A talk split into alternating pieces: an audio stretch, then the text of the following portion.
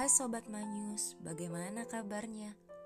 Semoga kita semua dalam keadaan baik-baik saja ya. Kita kembali lagi dalam renungan mingguan UKMK Senin 29 November 2021. Bacaan Injil hari ini diambil dari Injil Matius bab 8 ayat 5 sampai dengan 11. Marilah kita mendengarkan firman Tuhan dalam nama Bapa dan Putra dan Roh Kudus. Amin. Pada waktu itu, Yesus masuk ke kota Kapernaum. Maka datanglah seorang perwira mendapatkan dia dan memohon kepadanya, "Tuan, hambaku terbaring di rumah karena sakit lumpuh dan ia sangat menderita." Yesus berkata kepadanya, "Aku akan datang menyembuhkannya." Tetapi jawab perwira itu kepadanya, "Tuan, aku tidak layak menerima Tuan di dalam rumahku." Katakan saja sepatah kata, maka hambaku itu akan sembuh. Sebab aku sendiri seorang bawahan, dan di bawahku ada pula prajurit. Jika aku berkata kepada salah seorang prajurit itu, "Pergi," maka ia akan pergi, dan kepada seorang lagi, "Datang," maka ia akan datang ataupun kepada hambaku, kerjakanlah ini, maka ia akan mengerjakannya.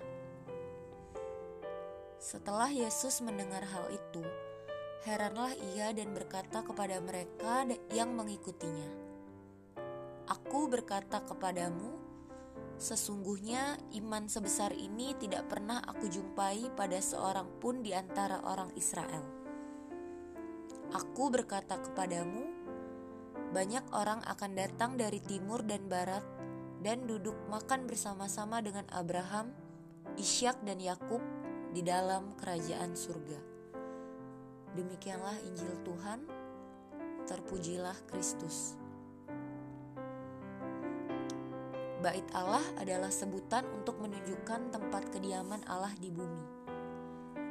Nabi Yesaya menubuatkan keadaan Yerusalem pada hari-hari terakhir dan mengatakan bahwa Allah akan membangun baitnya yang berdiri tegak menjulang dan akan menarik perhatian bangsa-bangsa untuk berduyun-duyun datang.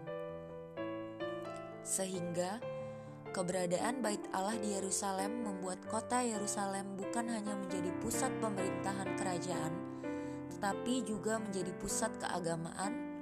Ke sanalah umat Allah berziarah untuk merayakan berbagai perayaan ibadah umat yang beribadah akan menjadi para pejuang yang siap menegakkan keadilan dan kebenaran.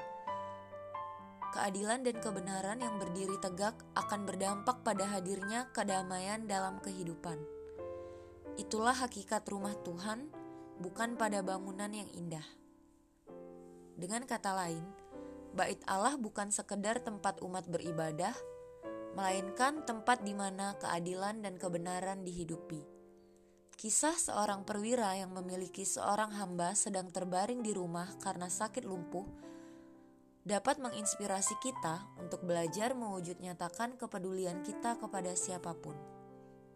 Perwira itu memiliki kasih dan tanggung jawab terhadap hambanya yang sakit. Ia juga memiliki kerendahan hati ketika Yesus hendak datang ke rumahnya. Ia berkata, "Tuan, aku tidak layak menerima Tuan di dalam rumahku." Matius bab 8 ayat 8. Seorang perwira yang mau turun tangan untuk menolong hambanya merupakan salah satu bentuk ibadah yang nyata dalam tindakan. Contoh seperti ini sangat langkah terjadi karena biasanya seorang perwira bisa bertindak sewenang-wenang atas hambanya. Sebab sering kali kedudukan tinggi membuat kita lupa akan keadaan orang-orang yang telah membantu kita.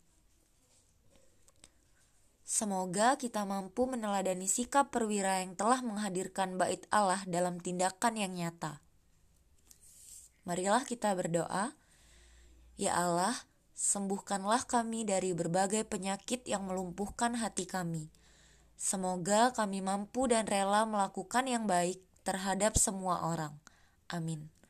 Dalam nama Bapa dan Putra dan Roh Kudus. Amin.